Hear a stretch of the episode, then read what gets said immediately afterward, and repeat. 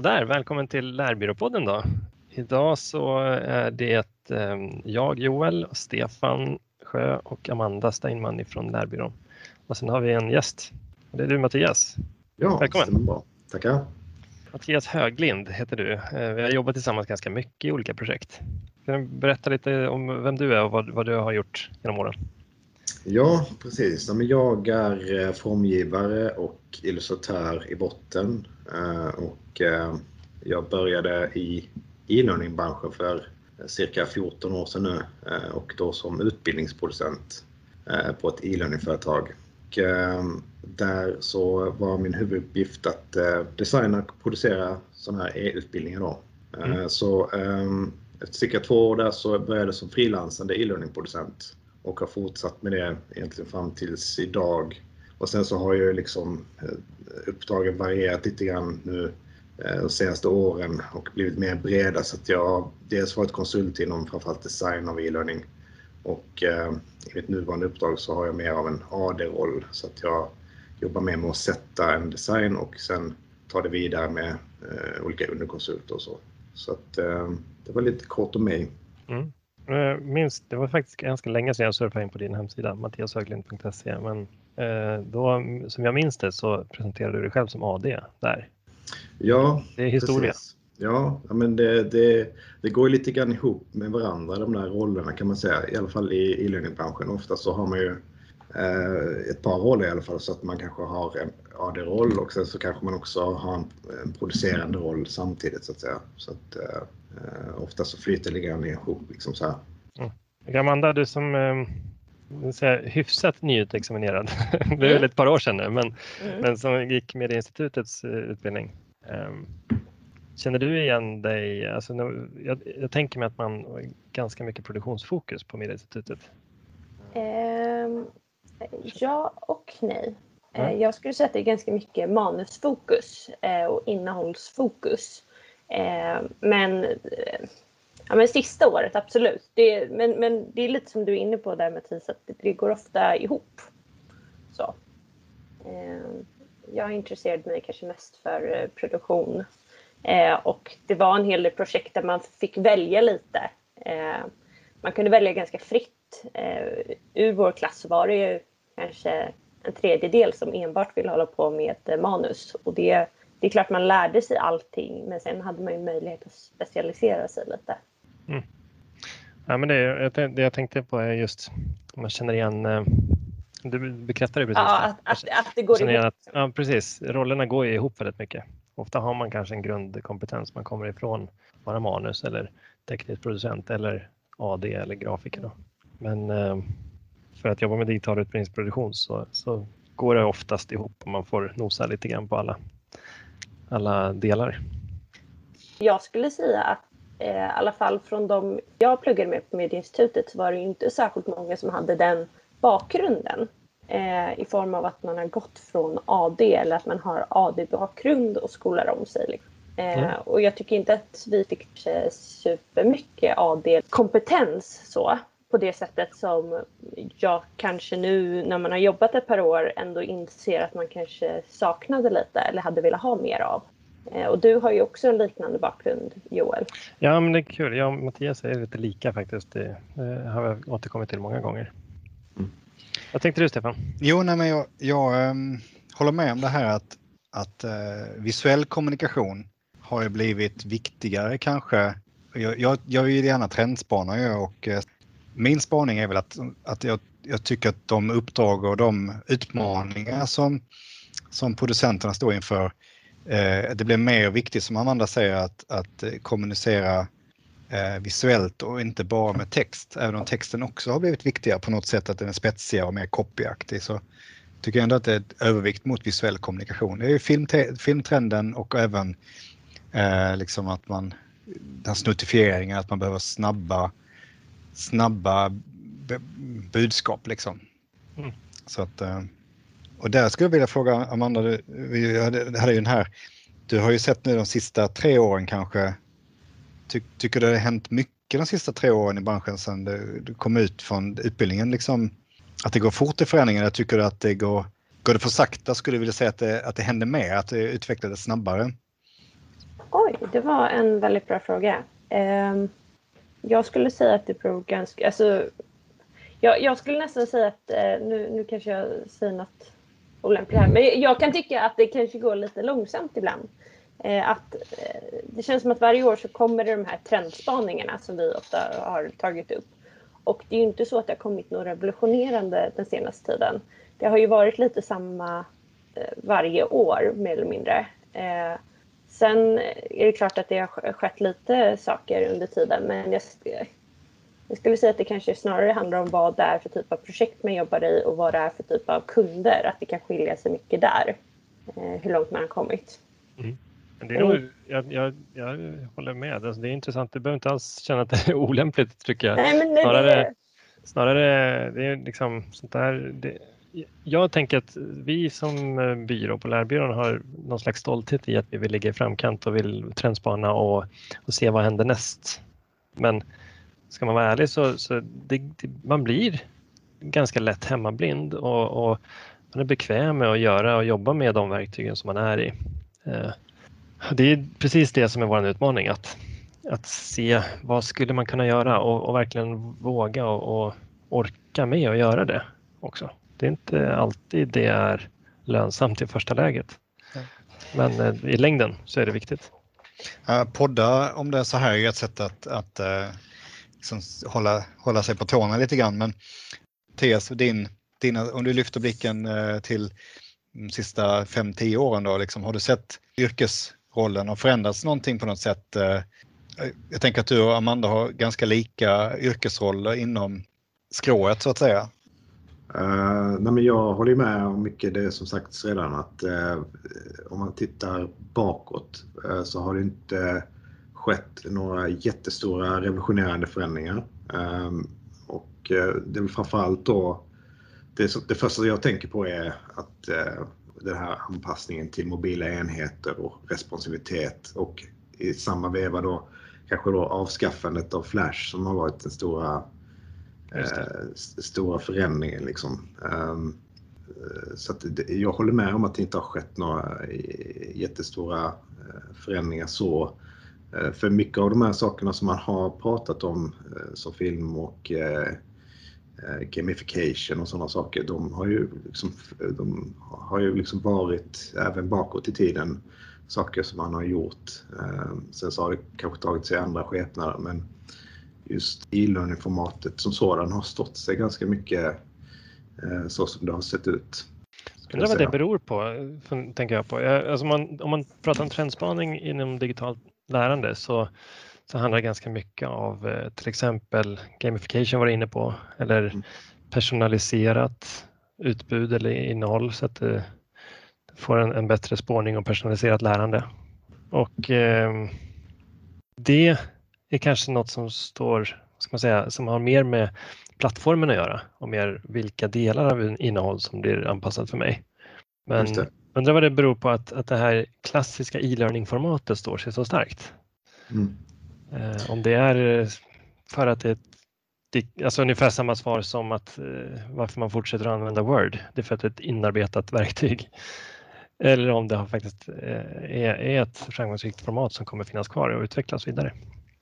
Ja precis, det är svårt att veta lite grann vad som är hönan och ägget för att å ena sidan så eh, upplever jag det också att det är det som efterfrågas eh, samtidigt som eh, man kan säga att, eh, det, att eh, det är också det som erbjuds så att säga. Så att, eh, det, det, finns ju en, vad ska man säga, en koppling däremellan att det finns en efterfrågan och eh, Eh, även eh, en, vad ska man säga, en låg eh, andel av utveckling framåt.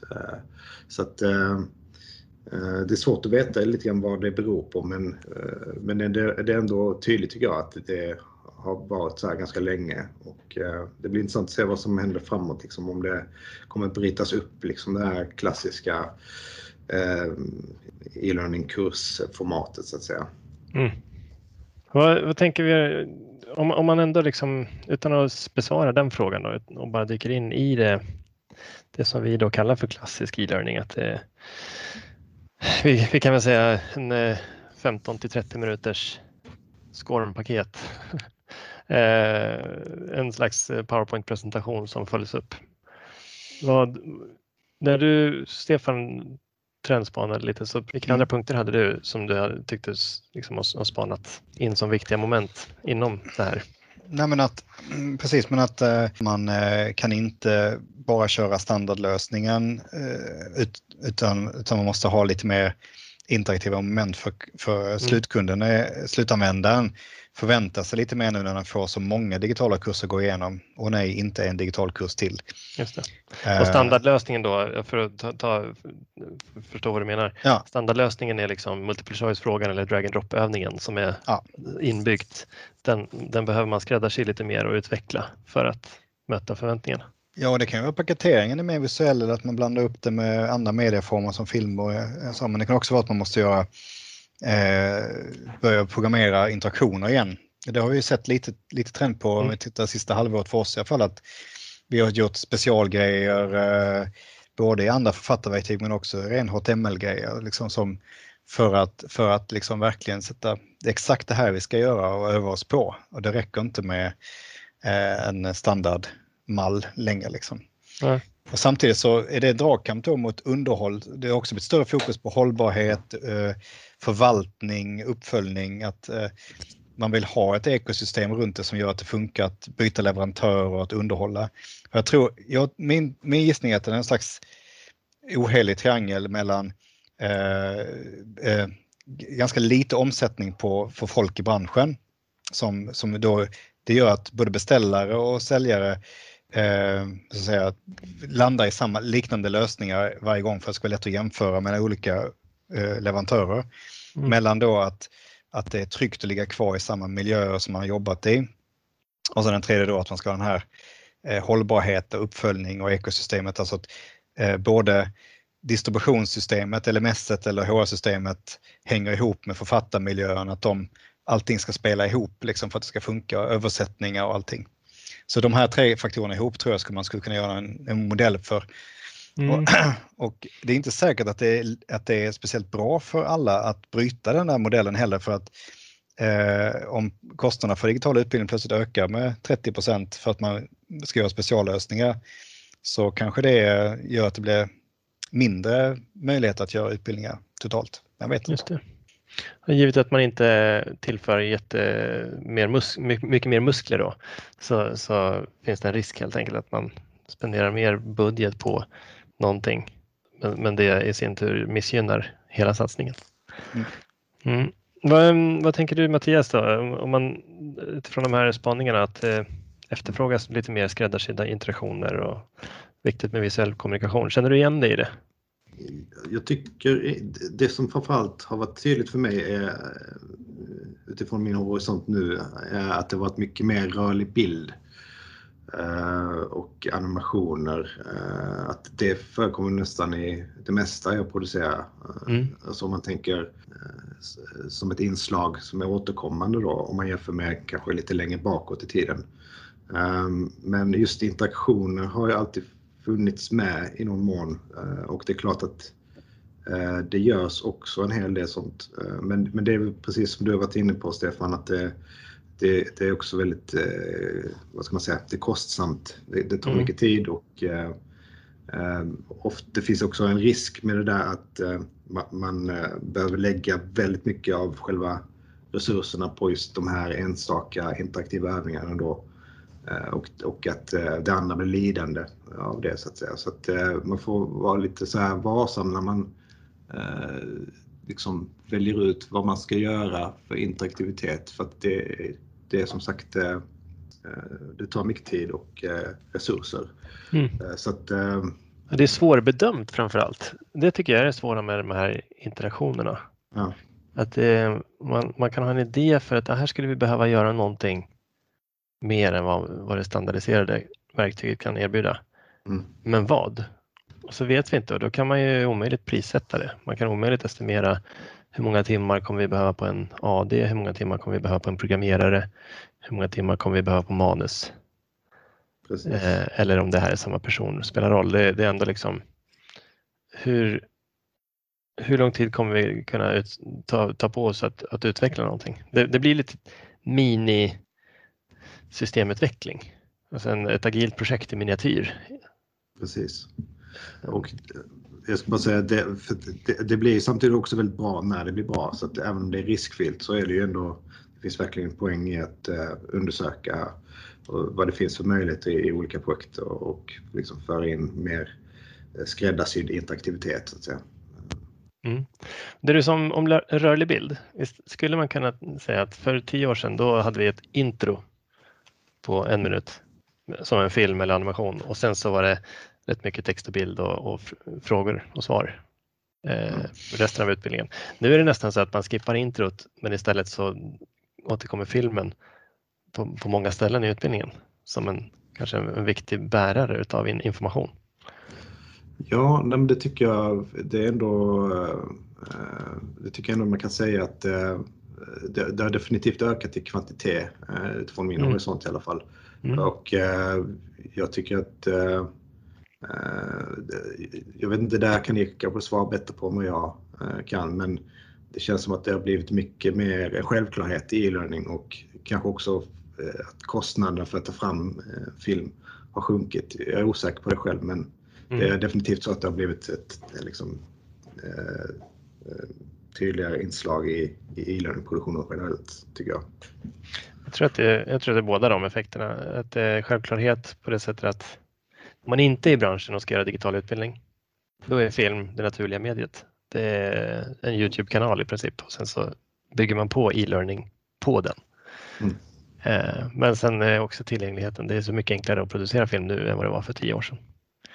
Vi gör ju ganska mycket filmproduktioner med mobilkamera eller liknande. Mm. Och det, det, är inte så mycket svårare än att, att gå ut och, och bara, bara, man har underlaget klart för sig. Att, att tekniken är så lättillgänglig.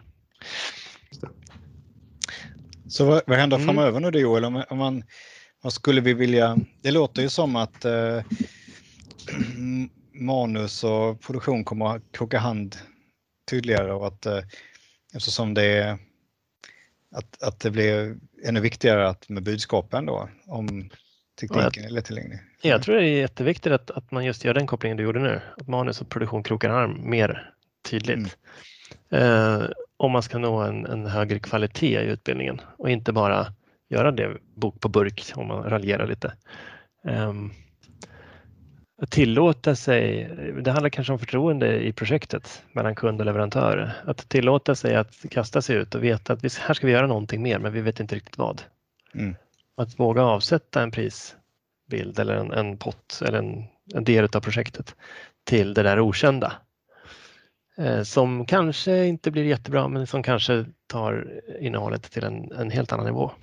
Mm. Och då tänker jag på liksom, Eh, eh, rent krast kan man ju tänka att vi, vi har producerat ganska mycket i artikelhetssviten, ju, eh, i produktionsverktygen RISE och Storyline. Och där är ju ett typexempel på hur man integrerar RISE, inter, eh, jag säga, Storyline-interaktioner, Storyline som det lite mer avancerade verktyget, integrerar det in i RISE-produktionen som är det lite mer enkla, eh, snabbproducerade verktyget.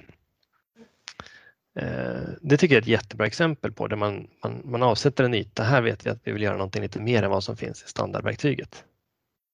Och sen så ska vi göra någonting i Storyline då som är bara eh, en sida med en interaktion som då byggs in i RISE-kursen. Eh, där kan jag fråga dig Mattias, har du, har du jobbat någonting med, med den typen av produktionssätt hittills? Uh, inte just med, uh, inte så mycket med Storyline och RISE tillsammans. Uh, däremot så har jag eh, börjat jobba lite mer med Animate som är ju före detta Flash kan man säga. Just det. det har jag försökt plocka upp igen för att det, det finns ju kvar men nu så är det en annan teknik, HTML5 helt enkelt. Eh, så att eh, man kan ju fortfarande producera saker som påminner om det som fanns i Flash fast i, HTML5 då istället. Mm, så det är lite sådana saker har jag producerat och där kan man ju också lägga in interaktivitet tillsammans med animation. Så att, det är ju ett, i grunden tycker jag, väldigt bra verktyg. Mm. Men det är samma sak där att det kräver ju att man har eh, lite tanke bakom vad man ska göra och det, det tar lite längre tid. Men eh, jag tycker att det är absolut ett verktyg som är spännande och som det finns jättemycket möjligheter att eh, jobba vidare med faktiskt. Mm. Det, där, det, där, det var faktiskt en fråga som jag hade till dig Mattias för att jag var lite nyfiken. Eh, kan du se några, liksom, ut, utanför artiklet-sviten, kan du se några uppstickare som du har blivit lite nyfiken på eller som du har jobbat med som du verkligen kan liksom, rekommendera? Uh, uppstickare utanför artiklet-sviten? uh... Liksom författarverktyg generellt som skiljer sig mm. lite?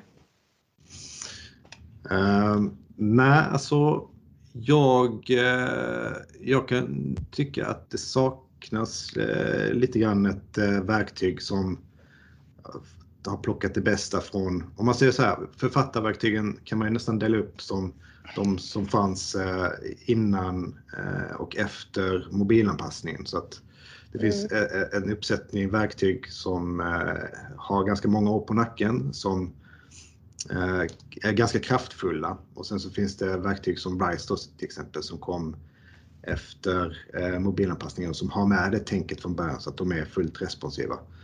Mm. Så eh, man skulle vilja ha ett verktyg som har plockat det bästa från båda eh, de verktygen så att säga. Men jag, kan, jag har inte riktigt eh, kommit över ett sådant verktyg än där jag ser att det här, eh, det här, liksom, det här verktyget har de, de här lite bästa eh, mm. sakerna. Mm. Så att säga. Det är intressant det där. Jag tycker att jag har sett um, man ser fina produktioner ibland, typ uh, på nyhetssajter och liknande där, där man ser att det finns jättefina uh, programmerade interaktioner eller animeringar som, uh, som man skulle önska kunna göra enkelt. Men jag antar att de är liksom skräddarsydda och att, att, att det är en snarare en duktig programmerare som, som har jobbat med det. Eller att man har ett webb, webbpubliceringsverktyg har någon slags standardiserade block som man bygger. Det håller jag med om, det saknar jag in i författarverktygen för e-learning. Mm. Som, som, eh, om jag tar, om jag tar liksom inköparrollen snarast då, som jag oftast hamnar i när jag ska fråga för kunderna, så jag delar upp, upp det Mattias också i delen mellan fristående författarmiljöer och sviter som mer ingår i en, som en del av en, ett ekosystem eller som ett LMS eller en distributionsplattform. Och för oss som, som fristående konsulter så är ju den första varianten när det är fristående, det är nästan oftast det enda görbara liksom vägen att gå när vi får välja själva. För vi kan ju inte köpa en miljö och vänta på att kunderna ska komma in i den när de är redo. Utan utan då är, handlar det om att följa kunden in i den som miljö som de redan gjort köpet till i så fall. Mm. Man vill gärna liksom att man ska koppla ihop saker. Och där, det är klart man kan kalla Articulate-sviten för en svit, med, det finns ju inte LMS och lite andra saker i den. Men det är fortfarande relativt fristående, man betalar ju inte eh, författarlicensen per kurstillfälle. Liksom. Men eh, de som har, det finns några som jag tycker verkar intressanta som har den upplägget, men då då blir det svårt för en extern konsult att jobba med det utan det är mer ett, ett beslut som företaget internt får ta då och köra eh, och, och bjuda in konsulterna till och jobba i.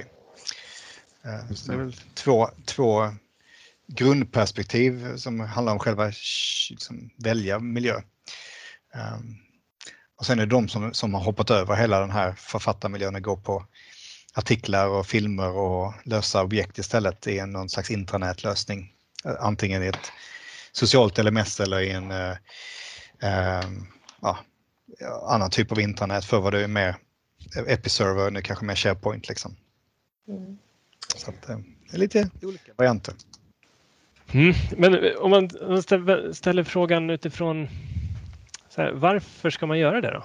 varför, varför göra sig omaket att specialbygga saker? Ser vi en poäng med det? Vad tänker ni? Förutom att det är kul. Nej, jag tror det handlar om förväntningar var ju min spaning där. Att, eh, mm, att slut, slutanvändarna, eh, de som ska gå kursen, de accepterar inte i längden att göra en, en utbildning där de inte känner att de får någonting tillbaka med att de ska dra lite kort till olika boxar. Liksom. Eh, och det, det var väl okej okay när man gjorde ett par om året sådana kurser, men när det är liksom i huvudleveransen så, så eh, det är klart att det är bättre än att bara läsa en text, men man kanske om man, om man ska få någonting ut av att förstå en, en modell eller en process så behöver man ju öva lite grann. Och jag tror vissa av våra kunder, eller vi också, har ju, har ju löst det genom att man istället lägger med övningsuppgifter, vilket är en klassisk det skulle ju lika bra kunna vara i den lärarledda kursen att man då får en, ett case man ska göra och komma tillbaka in i kursen. Och det vågar man nog lite mer nu också eftersom eh, förr var man rädd att folk inte skulle hitta tillbaka, att man inte kunde hantera sin PC på ett bra sätt. Men det är man inte lika rädd för nu för tiden. Och time-out-problem som man hade förr är lite mindre förekommande också. Så nu vågar man släppa iväg dem på en uppgift, komma tillbaka och ta vid där man var. Liksom. Så det tror jag. De, det är mina två eh, spaningar i alla fall. Mm. Det, är klart. det handlar om att också aktivera eh, användaren så att säga. Så att om man bara har så att säga ett eh, Eh, text och bild så blir det lätt eh, att man eh, att man kanske blir lite passiv som användare. Man vill också så att säga kanske stanna upp och reflektera och och speciellt då om man har en interaktiv övning som är anpassad till innehållet så kan det ju bli väldigt liksom, kraftfullt i större pedagogisk synvinkel att man får stanna upp och reflektera och bygga, som du var inne på Stefan, den mentala modellen också av det man har gått igenom så att säga. Mm. Mm. Ja, ja, men jag, jag, tänker på en, eh, en interaktion jag såg nyligen i en ledarskapsutbildning där, där man fick eh, verkligen eh, reflektera på en sida och dra lite staplar och bygga liksom en historik av minnen. alltså, det, var, det var dåligt beskrivet. Men eh, eh, användaren fick, blev tillfrågad att, att ehm, reflektera helt enkelt och, och skapa en tidslinje som senare återanvändes i utbildningsmaterialet där man då kopplar tillfällen på den här tidslinjen med olika insikter som man kan göra vartefter. Ehm, det är en ganska intelligent interaktion som jag tänker verkligen fyller sitt syfte. Skulle man inte ha den tekniska lösningen i det sammanhanget, då skulle man inte, då skulle det bli en artikel. Att du, du berättar om någonting, så, så, så, som du läser en bok. Det är väl där som jag man skulle vilja liksom att det, det stora styrkan med det digitala utbildningsmediet det är att det inte är en bok som man läser på skärmen utan att du faktiskt tvingas reflektera och du kan spara data och få tillbaka den vid senare tillfälle och, och testa vad som var rätt och fel. Aktivera hjärnan på riktigt så. Det kan jag tycka att vi alldeles för sällan når i mål med, med de här standardövningarna. Man, man kan, man kan testa aktivera hjärnan lite grann men, men man får sällan riktig utväxling av det. det. Det tycker jag är lite frustrerande. Så där, därför skulle jag vilja att det, att det var lite mer välutvecklat. Få större möjligheter. Mm. Mm. Bara, för att återknyta lite grann till det här med trender och så också. Ehm, jag, eh, någonting jag skulle önska och se framåt är just det här med eh, Eh, hur man kan samla data och eh, använda det som en utvärdering för det man har producerat och skickat ut i världen så att säga. Så att om jag eh, så att säga, har producerat en utbildning så skulle jag kunna få tillbaka data som visar att ja, men, 70 av användarna fastnade på den här övningen för att den var för svår. Till exempel, eller för att den var otydlig eller så här. Och den typen av data sker ju ja. redan idag. Alltså den typen av datainsamling sker redan idag av stora nätjättar och företag och så. Mm. Och den skulle också vara väldigt användbar för eh, just för en utbildningsproducent att få liksom återkoppling på det man gör så att säga. Mm, verkligen. Alltså, vikten och, av utvärdering på riktigt. Precis. Mm, det har vi återkommit till några gånger men, och att vi försummar den. Det kanske i det här fallet saknas teknik för det också. Men det är, också, men det är både teknik och, och tid, att vi inte tar oss tid att utvärdera. Det var inte meningen att avbryta dig där men, men visst är det det du säger? Ja men precis. Och för att man vill helst undvika det här att skicka ut ett formulär och det känns som att man skulle kunna få ut ganska mycket användbar data ur till exempel då LMS och eh, kunna dra vissa slutsatser från det. Eh, och eh, så är det klart att det varit ännu bättre om man kunde dra slutsatser om målgruppen som typ vad de Eh, eh, typer, föredrar för typ av innehåll eller eh, i form av vilken typ av media, till exempel podd eller video eller vad de tycker om den här tonaliteten eller den här typen av utbildning. Så att det finns jättemycket som man skulle kunna få ut utan att så att säga kräva en, att de fyller i ett formulär så att säga. Så tänker jag. Mm, verkligen. Jag tar exemplet eh, där vi var klassisk e-learning-produktion då. Om man använder en, ett av de vanliga författarmiljöerna. Då paketeras ju det i ett SCORM-paket vilket redan där då eh, utesluter annan typ av rapportering än bara användaren har påbörjat, användaren har slutfört.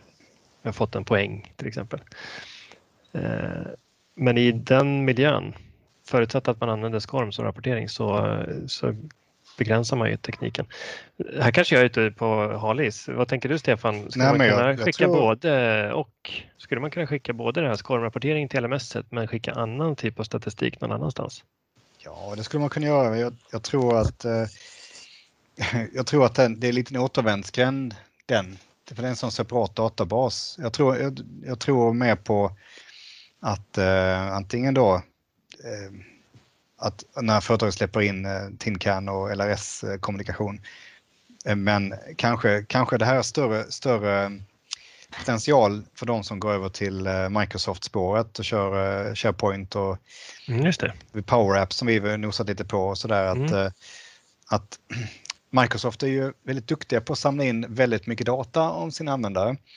Och om ni, om ni tänker på den här veckorapporten ni får kanske om ni är Office 365-användare, lugna timmar, inte så lugna stunder, hur många kontakter. De berättar ju i stort sett hela hur ditt liv såg ut den veckan och vilka kontakter du hade kontakt med. Mm. Och när du inser liksom att du är helt kartlagd hur du jobbar. Eh, det, det, har varit mycket artiklar om det åt andra hållet liksom, med, när det gäller personlig integritet.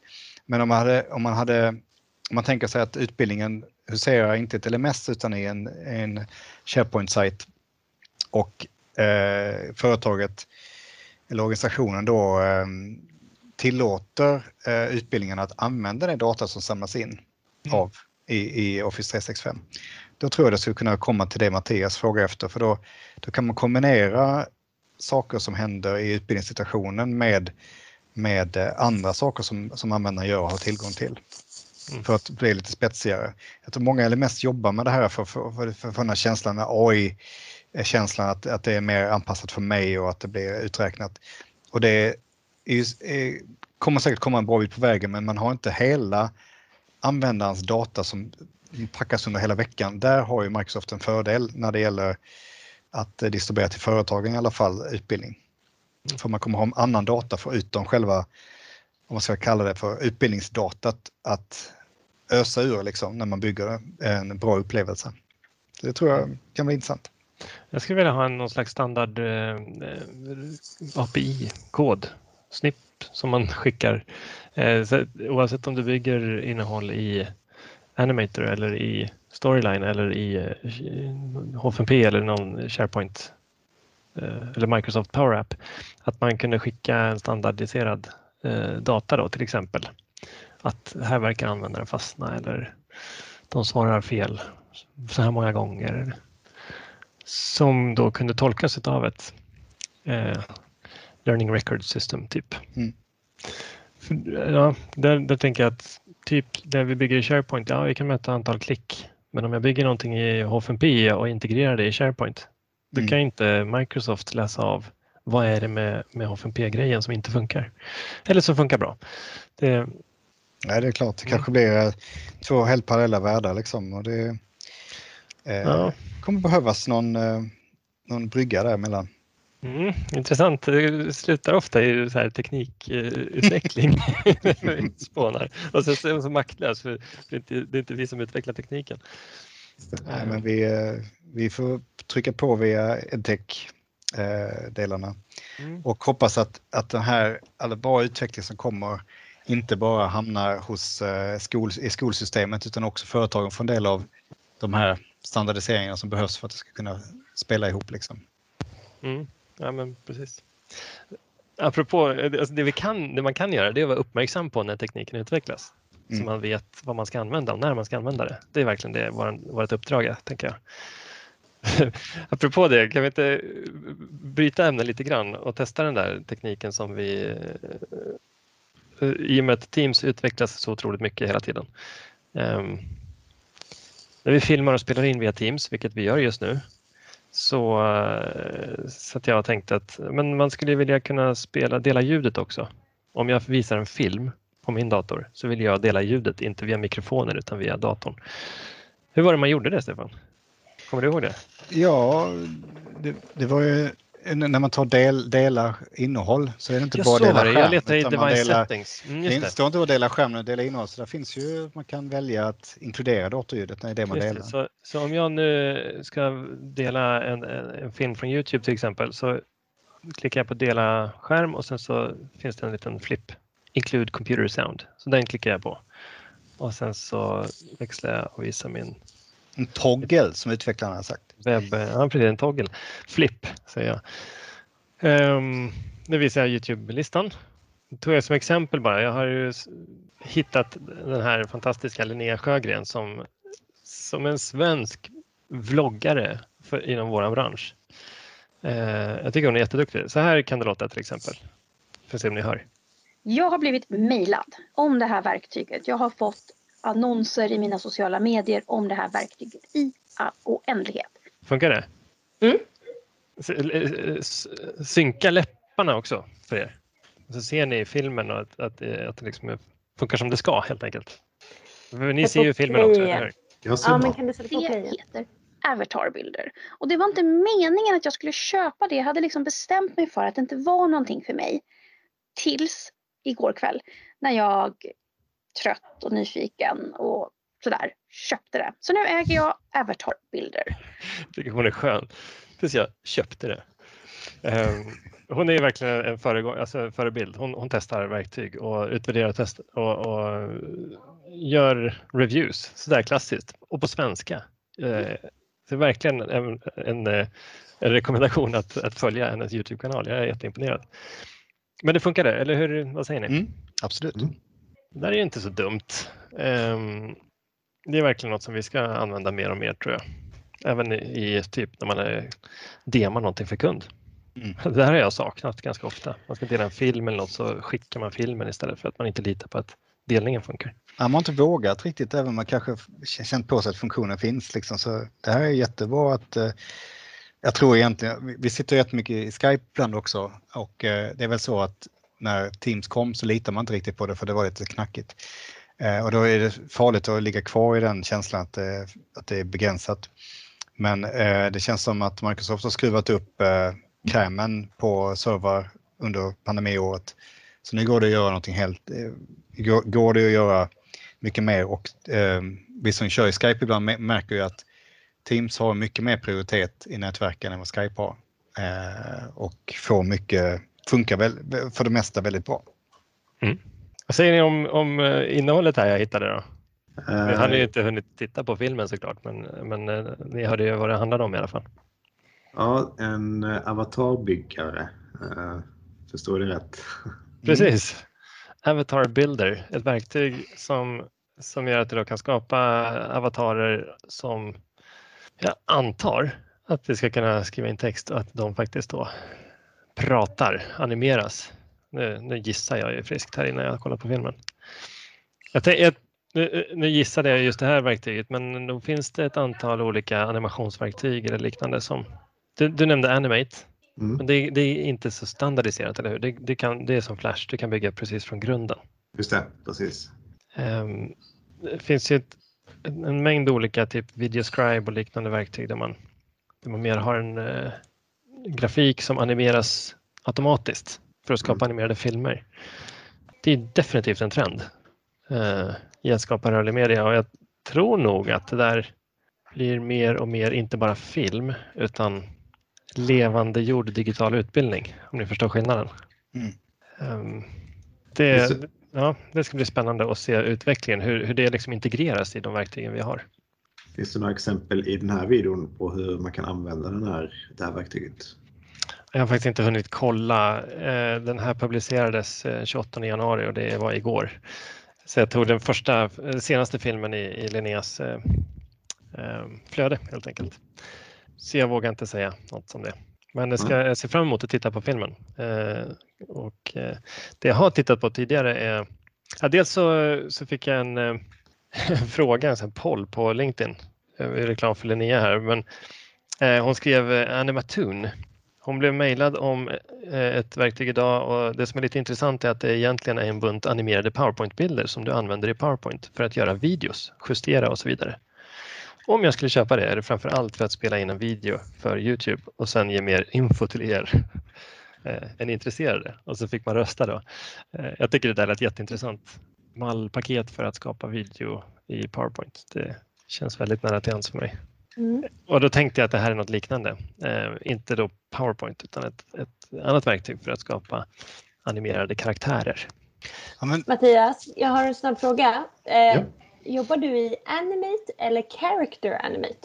Eh, Ja, det är Animate. Eh, Character Animate har jag lite dålig koll på faktiskt. eh, Mm. Så att säga. Men det kanske är något eh, som påminner om det som Joel visade där. Mm. Mm. Ja, vet du förresten? Eh, vi gjorde, eh, eller jag gjorde mitt examensarbete i Character Animate. Ah, okej. Eh, jag kan tänka mig att de är väldigt snarlika varandra.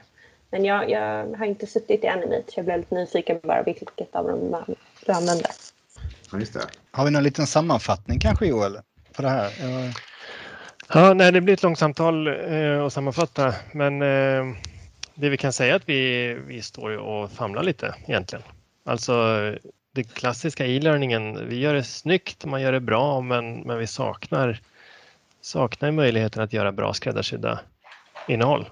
Och när man gör det inom ramen för en, ett författarverktyg så blir det kostsamt. Ja, vi, vi har ju flera exempel på när, när det har varit lyckosamt, men eh, det är lite på chans. Jag blir lite mer, lite mer underhåll sådär på, på lång sikt. Men jag, jag, jag tar med mig att jag är mer inspirerad av att eh, våga föreslå och våga testa och eh, se, pusha lite och se vad miljöerna tål. För att eh, om vi inte gör det så kommer folk och, som går kursen att tra- eh, få dö tråk, tråkdöden. Liksom. Utan man måste, man måste, vi måste pusha för att få fram mer eh, bättre och spä- spännande innehåll. Och eh, det behöver inte vara så det, det viktiga är att det är relevant och att det är det man ska öva på det som man faktiskt ska göra, inte att det blir så himla mycket mer medieintensivt, tror jag. Så Mm. det, det kan bli kostnadsdrivande men kanske inte på det sättet som man tänker med stora produktioner och mycket, må, mycket media utan kanske snarare så att man tänker lite extra sväng på så att det, om man behöver ha eh, lite mer spetsigt innehåll som när, närmare det man faktiskt ska öva på. Mm. Nej, det är en utmaning vi har. Jag tror den där, du var inne på en, den oheliga triangeln eh, och att det kanske finns en poäng med att den finns. Alltså att det, det kanske inte bara är bra om den bryts. Nej. Jag tror att man, vi kommer, om vi inte utvecklas inom den där eh, bubblan, då kommer vi få stor konkurrens ifrån mediebyråer som, som ju faktiskt gör interaktivt material. Men det kanske är mer kostsamt och så, och så blir det en, en puckel som inte alls blir så bekväm. Ja, det, är- det är utmaningen vi har, tror jag. Jag tror vi behöver avsluta. Ja. Mm. Tack Mattias för att du tog dig tid ändå och bara liksom prata om, om allt och ingenting. Det är Ja, jättevärdefullt. Vi, eh, vi hörs snart igen. Hej då. Hej!